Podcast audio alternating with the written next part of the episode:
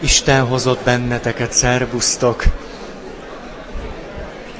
Kis csúszással, de el tudjuk kezdeni.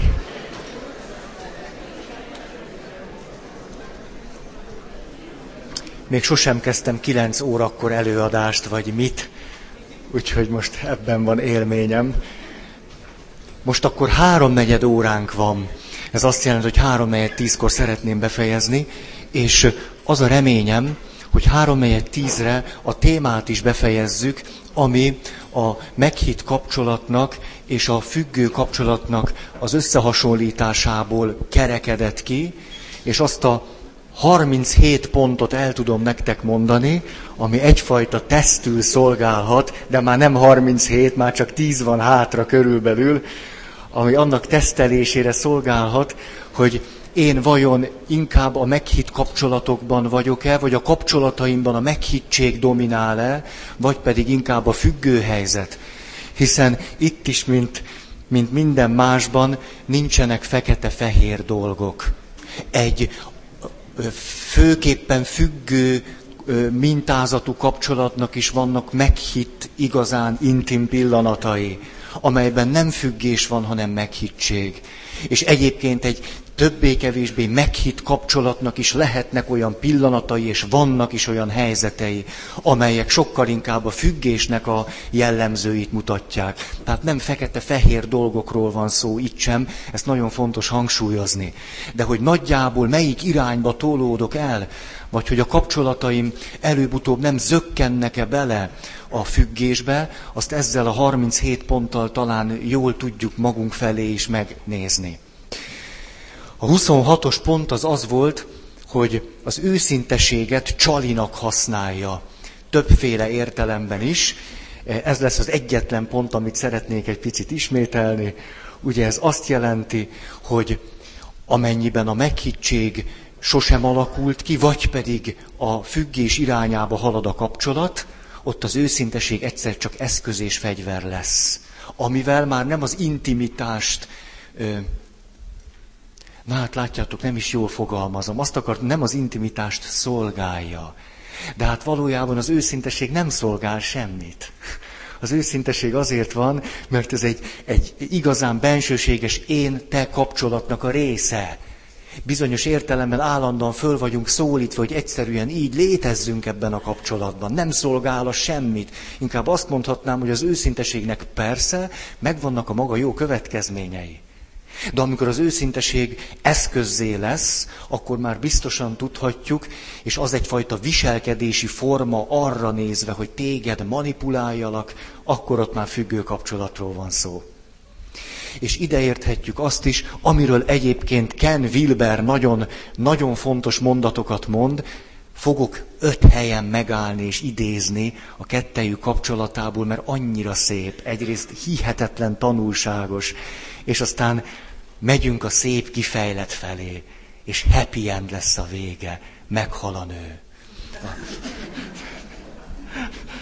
Ez csúnya volt, ugye? Nem ez a happy end, hanem hogy, hogy a kapcsolatukon át tudnak menni, azon a szakaszon, ami aztán a függésnek minden tragikus jelét és jegyét mutatja, mert erről már beszéltünk.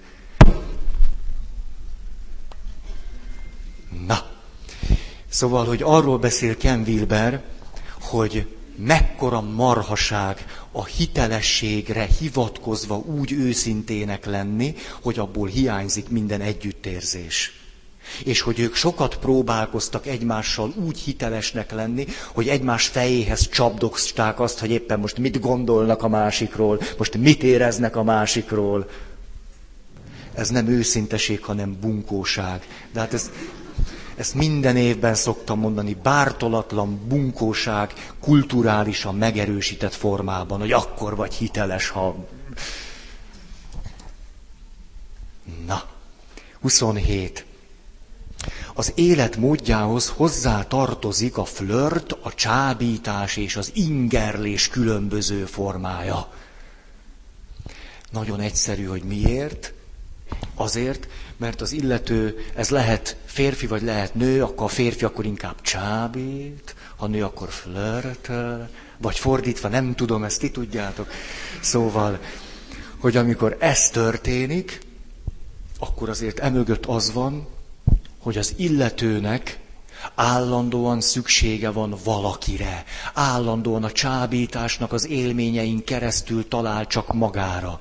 Különben azt se tudja, hol van. Muszáj neki állandóan ilyen helyzetekbe keveredni. Muszáj flörtölni, muszáj, mert csak egy másik ember vágyakozó, nem tudom én milyen tekintetén keresztül talál saját magára. Ezért aztán már önmagában a csábítás, a függésnek egy nagyon-nagyon-nagyon-nagyon sajátos formája. Mm-hmm. És van, aki annyira bizonytalan önmagában, hogy hiába van egy biztos kapcsolata, akkor is flörtöl. De majd még erről lesz szó, mm-hmm, ennek a mélységei. Hmm. Igen, akkor most legyen róla szó. Látom a jegyzetet, most kell elmondanom. Azt mondja, hogy ténylegesen, ha most a lélektani hátterét nézzük, hogy miért vannak olyan mondjuk férfiak, hogy szídjuk a férfiakat, akik egyszerűen képtelenek egyetlen nővel kapcsolatban maradni csak, és muszáj nekik több vasat a tűzben tartani, hogy ez, ez mondjuk mi miatt lehet lélektani szempontból. Azért, mert az illetőnek olyan gyönge az önértékelése, hogy ezt most egyszerűen mondjam, hogy már azokat a kudarcokat is, amik egy hosszantartó kapcsolatban folyamatosan érik őt, azáltal, hogy néha vannak rosszabb napok, néha nem kapok érzelmi megerősítést, néha nem rajonganak értem, néha nincs zanzi-manzi, hanem csak zanzi, vagy csak manzi, vagy egyik se visszavonja az a, az a nő az összes zanzi-manziát. És az illetőnek ilyenkor muszáj, hogy legyen egy másik valaki, akin keresztül az érzelmi megerősítést, az önmaga nem tudom én miét megkaphassa. Amögött, hogy valaki nem csak hogy flörtöl, hanem tovább megy, és több kapcsolat egyszerre, ez az ő végtelen gyöngeségének a tünete. Ő nem egy, egy hogy mondj, mi, Don Juan de Marco, vagy mi, meg nem egy nem tudom milyen nagy szám,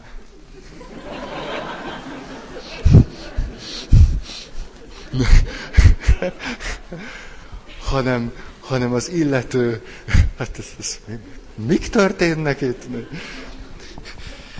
Hanem inkább egy, egy végtelen gyöngeségnek a tünete ez. Ezt tudom róla mondani. Persze nagyon nehéz, hogy egy illető, aki egyébként is végtelenül gyöngének találja magát, és emiatt szüksége van legalább három nőre, hogy mikor elmegyek egy paphoz, már hogy ő elmegy egy paphoz, hogy akkor mi van?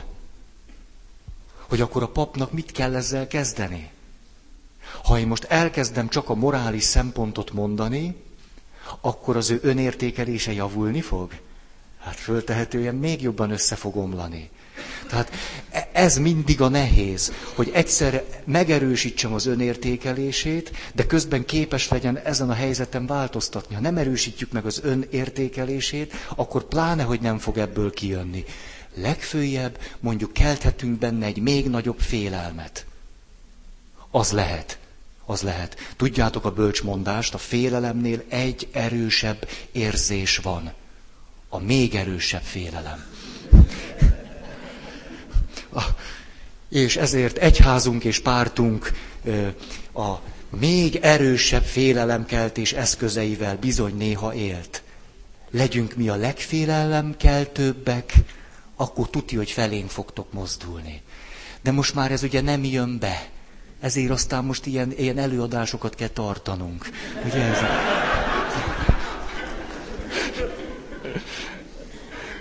Na, Feri, szóval még akkor ide egy másik dolgot, hogy, hogy, hogy ezeket a lélektani finomságokat, amihez én nem értek, de szeretek róla beszélni, mert ezzel megerősítem a gyönge szelfemet. Na, hogy más nem mondjak. Hogy, ugye itt van például az, vegyünk mondjuk egy hat éves kislányt egy hat éves kislány ilyen ugri-bugri, nem? Tök aranyos. Hat éves kislányok tök aranyosak. És mit csinál egy ugri-bugri tök aranyos hat éves kislány? Most azon túl, hogy nem szeretne iskolába menni. A, azon túl beleül az apuci ölébe, Egy. Á, apuci. És akkor nagy kérdés, hogy az apuci elég érett személyisége. Mert bizony egy hat éves kislány flörtöl az apukájával. Csábítgatja őt. És közben pedig szeme sarkából figyeli, hogy az anya vajon merre jár, és hogyha ott van, akkor még inkább szeretné legyőzni a saját anyukáját. Megy a nagy küzdelem az apáért. Ha-ha! És ilyenkor tudjátok, egy milyen apára van szüksége ennek a hat éves kislánynak, öt évesnek, hét évesnek? Egy olyan apára, aki elég biztos a nemi önazonosságában, az önértékelésében ahhoz, a személyisége egy viszonylag jól fejlett szinten van, hogy ő ezt ne érezze önmagára nézve félelmetesnek, fenyegetőnek, szorongatónak, cikinek, mit tudom én milyennek.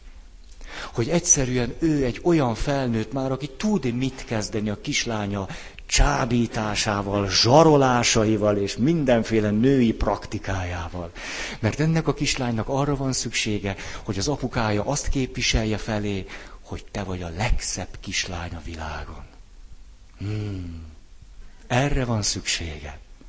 És itt minden nő, aki ül, arra vágyott hat éves korában, hogy az apukája áhítatos szemekkel, el-el merülve az ő szépségétől, bódultan, folytassam még, látom, hogy szeretitek hallani.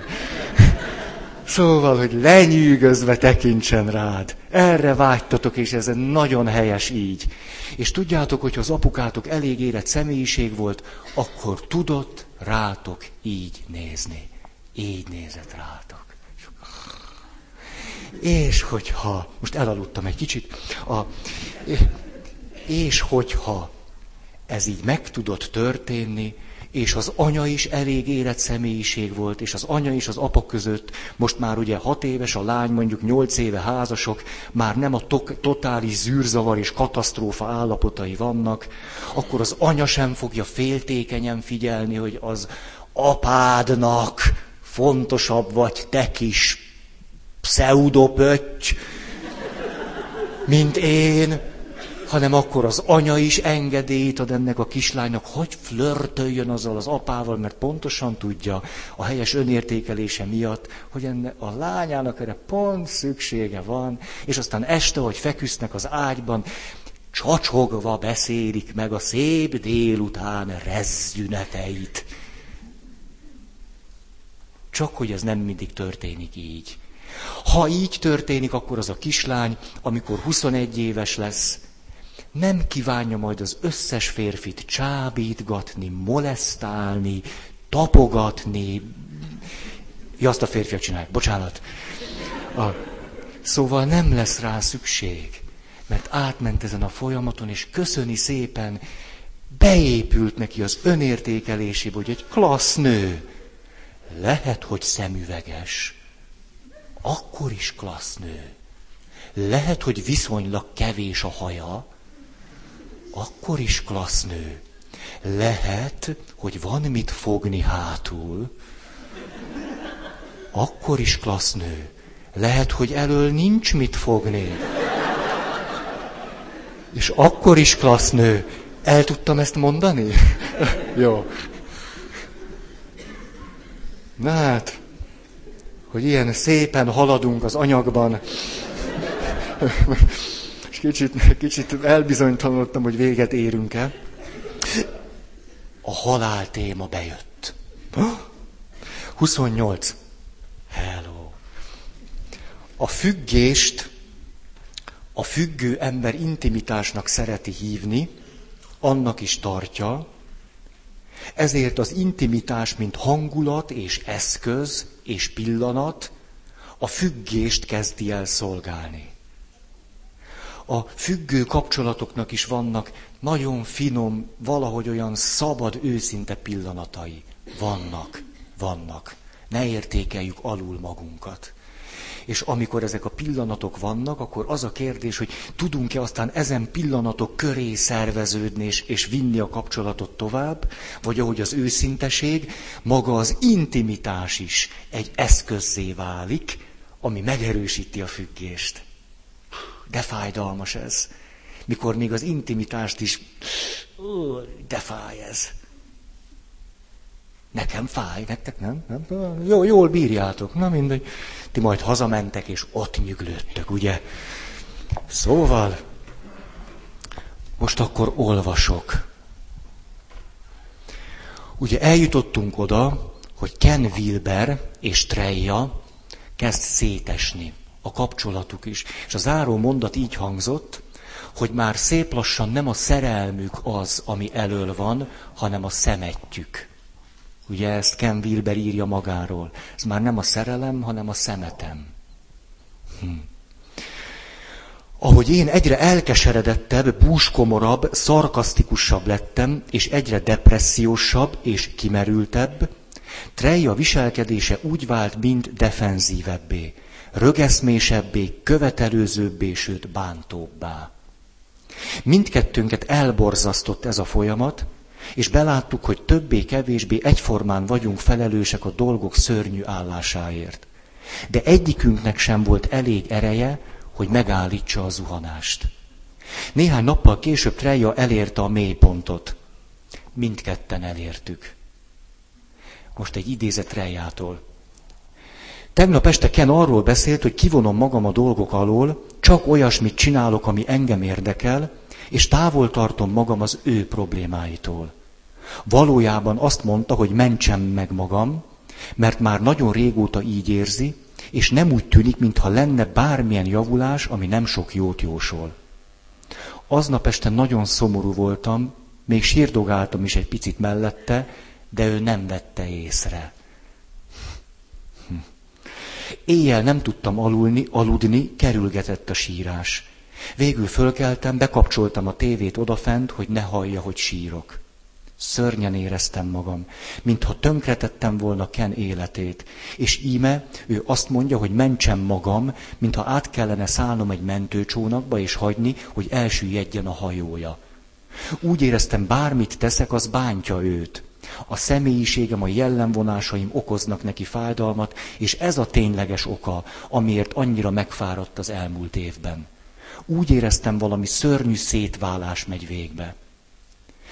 Jelenleg teljesen össze vagyok zavarodva, szerencsétlennek érzem magam, mintha, ez a szó van itt, elcsesztem volna, teljesen tönkretettem az én drága kenem életét. Ugye ez már volt, 20 valahanyadik pont. Ezt tettem vele. Bizonyára nem szándékosan, és ez annyira fáj nekem. Nem tudom, hogyan hozzam rendbe. Nem akarom tovább terhelni őt az én fájdalmammal. Nem bízok magamban, nem bízok az érzéseimben, úgy érzem, bármit teszek, az megbántja őt. Már az is, hogy önmagam vagyok, bántja őt, mert úgy látszik számára túl nőies vagyok, túl önfejű, sőt túl kontrolláló, túl érzéketlen és túl önző. Talán olyas valakire van szükségem, aki egyszerűbb, kevésbé érzékeny, kevésbé okos, hogy ne bántsam meg azzal, amilyen vagyok. És talán neki más valakire van szüksége, aki gyöngédebb, nőiesebb és érzékenyebb. Istenem, mekkora fájdalmat okoz ez a gondolat. Már nem bízom magamban. Bármit teszek, úgy tűnik, ez fájdalmat okoz neki. Ha megosztom vele az aggodalmaimat, úgy érzem inkább pozitívan és igenlően kellene viselkednem. Még most is csak magammal osztom meg patakzó könnyeim. Nem bízom bennük. Továbbra is magamra akarom fölhívni a figyelmet, holott ő neki van szüksége figyelemre. Továbbra is csak magamat sajnálom, és képtelen vagyok megérezni, hogy mire van szüksége. Ha megosztom vele a bánatom, ahelyett, hogy támogatnám és segíteném, nem fogok-e ránehezedni, olyasmit kérve tőle, amit nem tud megadni. Már önmagamban sem bízom többé. Dühös belső párbeszédeket folytatok Kennel. Visszaemlékszem arra, amikor egyedül éltem, és hogy akkor milyen egyszerű volt. Azt veszem észre, hogy nincs senki, akivel beszélgethetnék, és egyik rémisztő gondolatomat sem oszthatom meg senkivel. Állandóan ezt csináltam Kennel, de mostanra úgy tűnik, kikészítettem az elvárásaimmal, a panaszaimmal és a makadságommal. Ha nem beszélhetek Kennel ezekről az érzéseimről, és keményen próbálkozom, hogy megóvjam ettől, akkor jelenleg nincs senki, akivel valóban őszinte lehetek. Számba veszem a barátaimat, és úgy találom, hogy tényleg senkivel sem beszélhetek őszintén. Félek, hogy tönkreteszem a házasságom.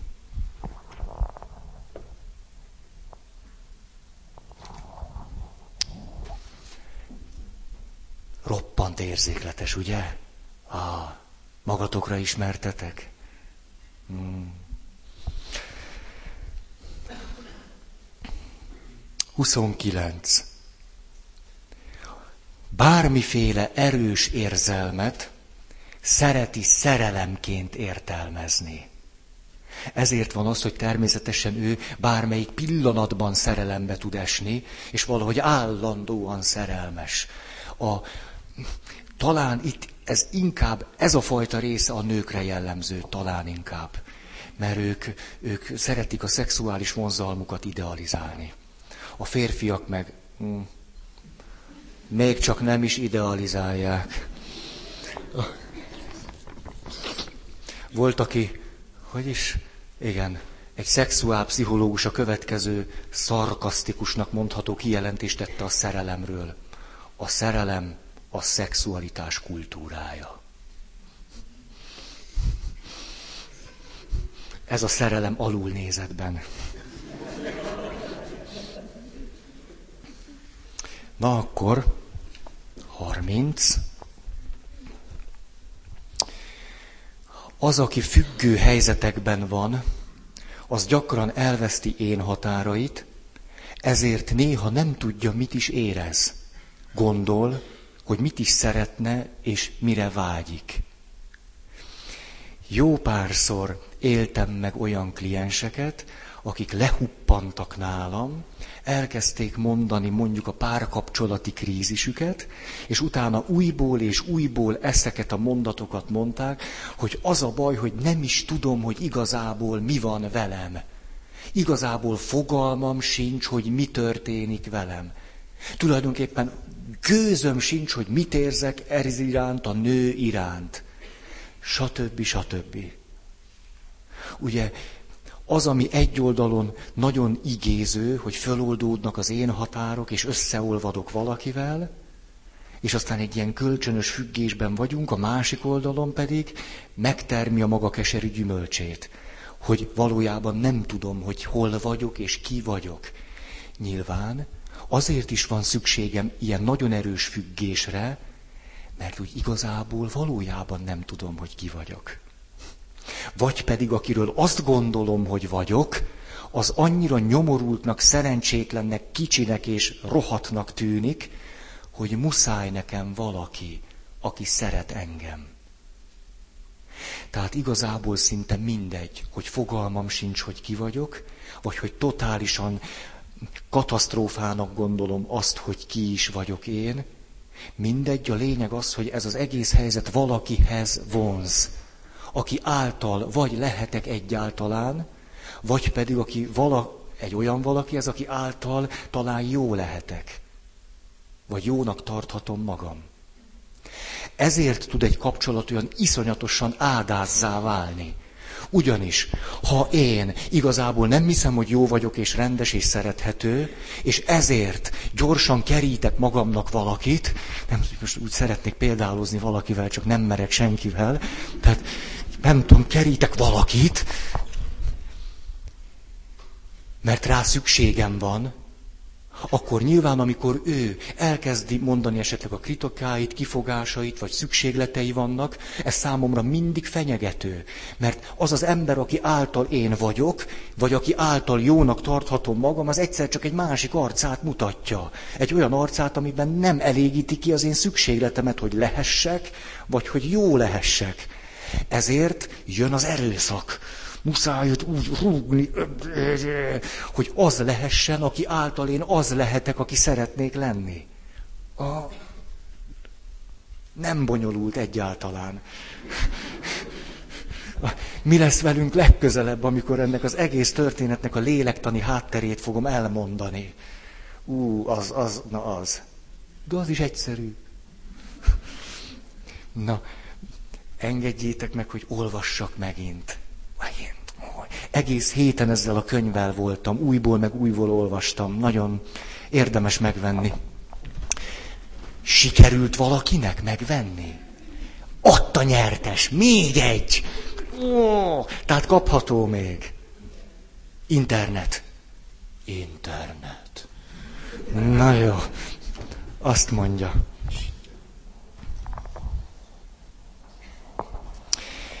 Nem tudok, nem nehez. Öm, jó, tehát. Még mindig megyünk a mélypont felé. Nem tudok nem neheztelni azért, hogy ennyire megváltozott. Azt mondta, azért hagyta abba, ez Treja mondja, a nő.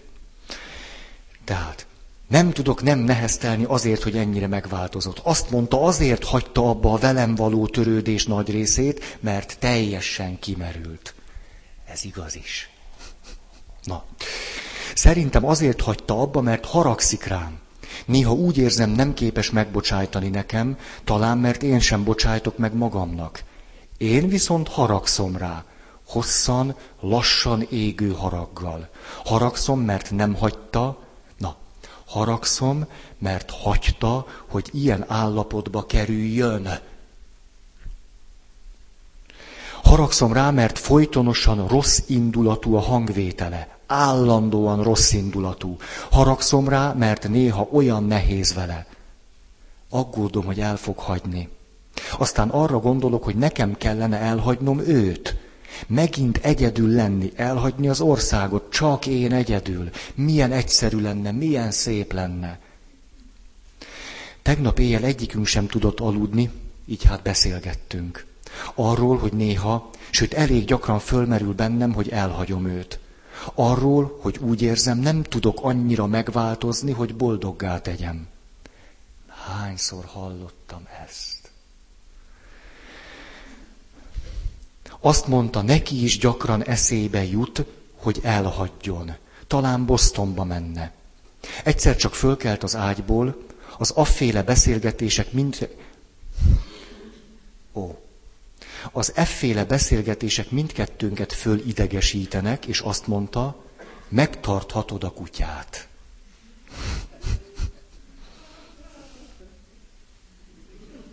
Egy kutya? Amikor visszajött, azt válaszoltam, nem a kutyát akarom, téged akarlak. Leült, rám nézett, könnyes volt a szeme, én elkezdtem sírni, de egyikünk sem mozdult. Egyikünk sem érzi, hogy képesek lennénk folytatni. Meg akarok bocsátani neki, de talán nem tudok. Talán túl dühös vagyok. És tudom, hogy ő sem bocsájtott meg nekem. Már azt sem föltételezem, hogy kedvelne.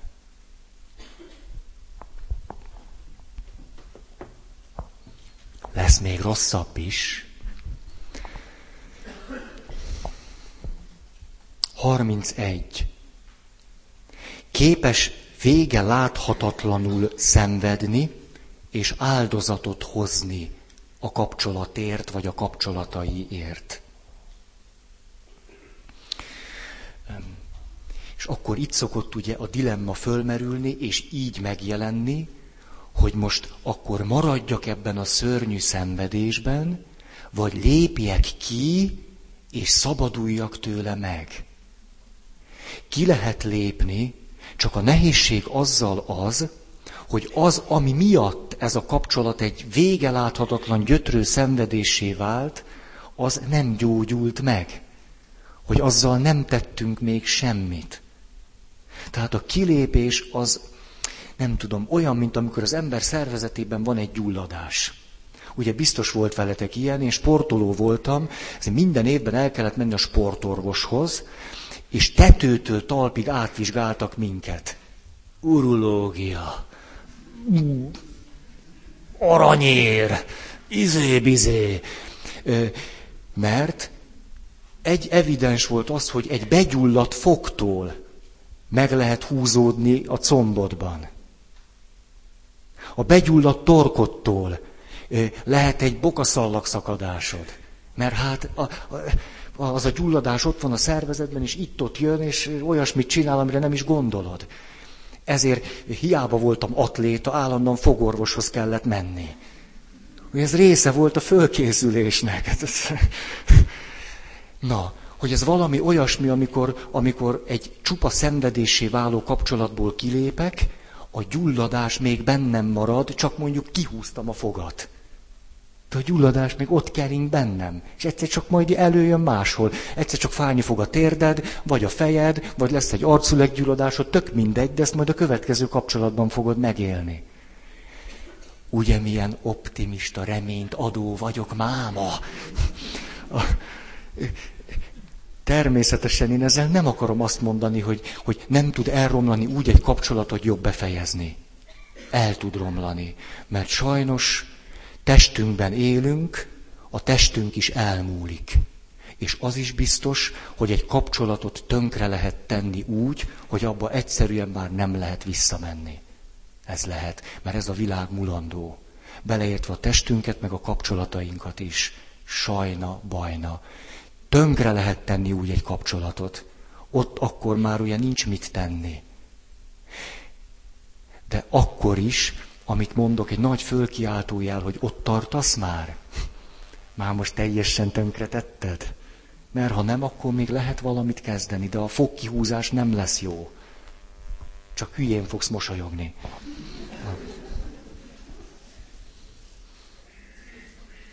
A, milyen érdekes a kereszténységet, meg a buddhizmust összehasonlítjuk, akkor már az én elemi szintemen, akkor azt látjuk, hogy a kereszténységnek van egy nagyon sajátos üzenete. Ez így szól, testvérem, te egy, most így mondom nagyon egyszerűen, egy jónak teremtett bűnre hajló teremtmény vagy.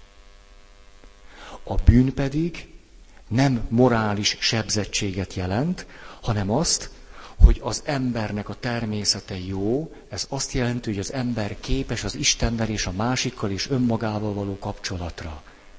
Jók vagyunk, alapvetően a, a, a létünk egy érték, egy jó. De az, hogy bűnre hajló, ez nem morális kijelentés, hanem egzisztenciális, azt jelenti, hogy képesek vagyunk ezt nem tudni realizálni. Képesek vagyunk ebbe belebukni. Erre képesek vagyunk sajnos. A kereszténységnek ez a kijelentése nagyon nagy igazságot takar. Jók vagyunk, de rosszra hajlunk. Sajnos megvoltak az évszázadok, amikor ezt a fontos mondatot moralizálásra használtuk. És egy ilyen leszűkített, primitív értelemben értelmeztük. Nagy kár. Ha az egzisztenciális üzenetet értjük meg, nagyon jó kis mondat. És mellett ott van a buddhizmus, ami a maga módján valami nagyon ugyanilyet mond, csak mást Hát olyat csak mást, ez csak nem. Na, ez meg így szól, az ember mindenképp szenved. Az emberi élet jó, érték, de az ember mindenképp szenved. Nem tudom, hogy most melyik tűnik megalázóbbnak, hogy az ember mindenképpen bűnre hajlik, vagy az ember élete mindenképp szenvedés, szerintem tök mindegy, mert itt is van egy hihetetlenül fontos üzenet hogy ezt belátom, hogy így van. Hogy így van. És hogy, na, most már ez nagyon fontos, nagyon. Mert ha ez így van, akkor ebből jön egy fontos következtetés, amit most olvastam el. Ez pedig az, hogy lehet értelmesen, meg értelmetlenül szenvedni hogy segítsünk mindenkit ahhoz, én papként arra tettem le a nem tudom én mit, tettem esküt. Képzeljétek, papszentelés előtt. Hogy mindenkinek segítek, amennyire tőlem telik, hogy az értelmetlen szenvedéseiből megszabaduljon. De az értelmes szenvedéseket nem tudjuk elvenni, és nem is akarom senkitől. Néha egy kapcsolatban küzdeni és harcolni a legértelmesebb szenvedés, amit lehet tenni. Hmm. Ne, csak ezt a kettőt nem szoktuk külön választani. Mikor szenvedünk két kapura egy kapcsolatban, mondjuk házasságban van három gyerek, akkor egyszerűen csak a szenvedésből szeretnénk már végre kijönni. Nagyon helyes, de az értelmetlen részéből gyógyuljunk ki.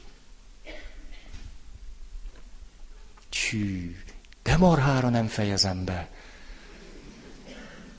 Ah, mesélek egy történetet egy kis pötyről. A kis pöty öt és fél éves.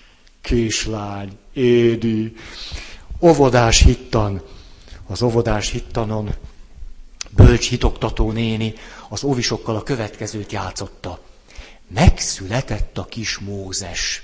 És ugye a kis Mózes bekerült a Mózes kosárba, hát ugye hova. És akkor így. Róla nevezték el, tudtátok? Na szóval, berakták a, a gumimózest a gumikosárba, vagy mit tudom én, még kis izé, bébi mózest. Akkor ott játszottak vele, és akkor azt mondta a hitoktató. Most pedig nézzük meg, hogyan nőtt föl a kis Mózes. Ugye, és van itt egy ilyen ének, hogy né, hogyan nőtt föl a kis Mózes, és akkor na. És a, ezt énekelgették. És akkor egyszer csak előhozott egy képet, ott a felnőtt Mózes bölcs szakállával a gyilkosság után néz a kamerába. És a, és a öt és fél éves kislány a kezével jelez. Azt mondja, Magdi néni, tegyük vissza a kis Mózest a kosárba. Magdi azt mondja, de hát, de hát, pannikám, hát már fölnőtt, hát ezt játszottuk, hogy kicsi volt, fölnőtt, és most már nagy és erős, és most róla fogunk beszélni. És erre öt és fél éves kislány a következő mondatot mondja. Panni néni, az élet folyamatok hosszúak és bonyolultak.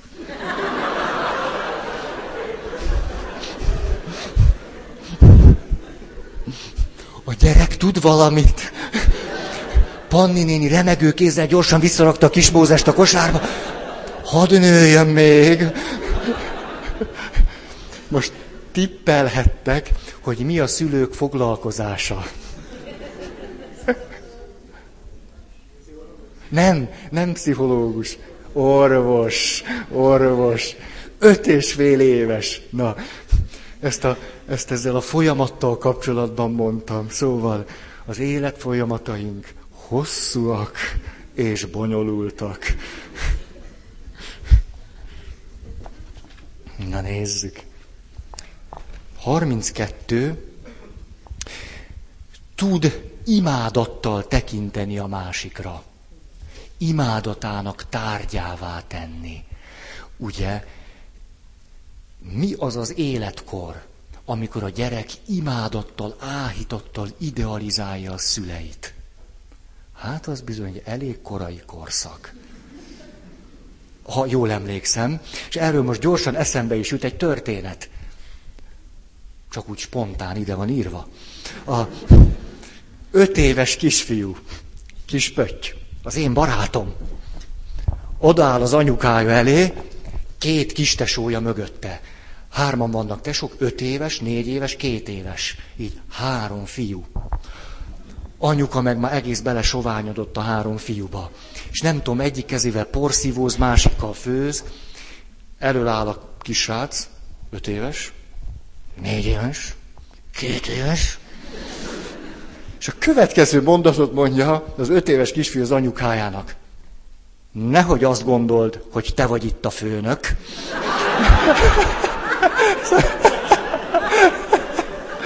És a kicsik meg. Anyuka meg dobott egy hátast a fazékba. Hát ez, ez komoly, komoly. Most ezzel tudtam illusztrálni nektek, hogy amikor imádatunk tárgyává tesszük a szüleinket, az bizony öt éves kor alatt van. Úgyhogy amikor valaki egy, egy totális realitás vesztésben idealizálja a társát, hmm, hmm, gyógyulásra van szüksége. Ennyit finoman. És a következő alkalommal majd mondom ennek a hátterét, hogy hát mi, mi is van itt. Mi is van itt. De hát abban a korszakban, amikor idealizálom az anyukámat, ő az Isten. Isten nő.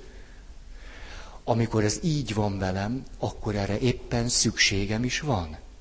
Pici pötyként nagyon is kell, hogy idealizáljam az anyukámat. Hát ő ad nekem mindent, ami az élethez kell. Na, náhogy idealizálom. Az akkor ott megfelelő viszony. Egy nagyon lélektani szempontból fontos fázisa a fejlődésemnek. De már 30 évesen. Kicsit... A, hogyha ezt kölcsönösen teszik, biztos már láttatok ilyeneket, ez nem csak a vad szerelem időszakában tud lenni, néha még egy-két nappal később is. És akkor látszik, hogy ez már csak azon az áron tartható, hogy az egész külvilágot kirekesztik. Ezért tud egy-egy ilyen függő kapcsolat úgy működni, hogy egyszer csak összes baráttól, ismerőstől, barátnőtől messze távolságot tartanak, és megalkotják a maguk belső világától, a realitás nem zavarja őket. És tudnak menni ezek a... Ezért érdemes olyan pasit választani, akinek legalább egy ivó cimborája van. Érdemes, és hogyha az a pasi néha legalább hetente egyszer elmegy egy cimborájával, mit tudom én mit csinálni, nagyon jó jel. Ugye átment, hogy mit akartam ezzel mondani. Ó, ó.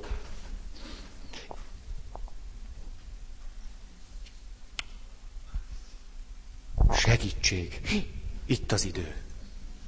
Befejezhetem egy történettel? Jó, egy olvasással zárjuk le.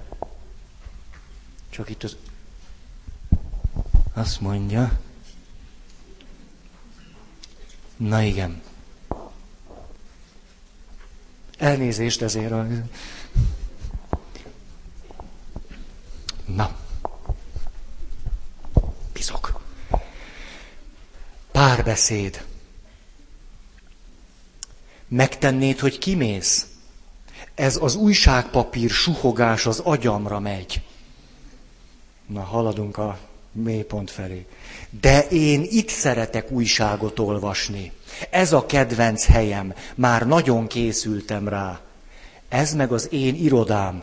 Neked van másik szobád, ami csak a tied. Válasz azok közül. Nem. Nem. Azt mondtad, hogy nem. Nézd, amíg én itt dolgozom, nem tehetik be a lábukat olyanok ebbe a szobába, akik még nem jutottak túl a három általánoson, vagy akik nem képesek egy rohadt újságot úgy olvasni, hogy közben nem mozogna a szájuk.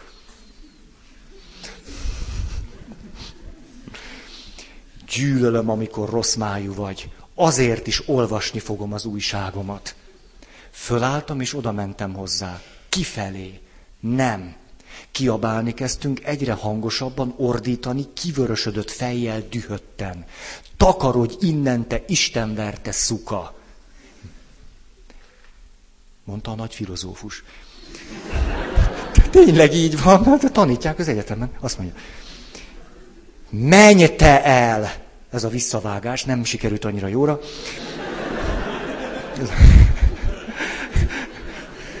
De hát beteg, tehát elnézzük neki, hogy csak ennyi. Na, szóval, menj te el! Megütöttem. Majd megint és megint. Torkom szakadtából üvöltöttem. Tűnj ki innen az Istenit, tűnj ki. Tovább ütlegeltem, ő egyre csak sikoltozott. Azért ejtettem ki ezt, a, ezt az ível kezdődő szót, mert kis ível van írva. Oké. Okay. Hagyd abba, hagyd abba. Végül mindketten lerogytunk a díványra. Soha életemben nem ütöttem meg nőt, és ezzel mindketten tisztában voltunk. Én elmegyek innen, mondtam végül.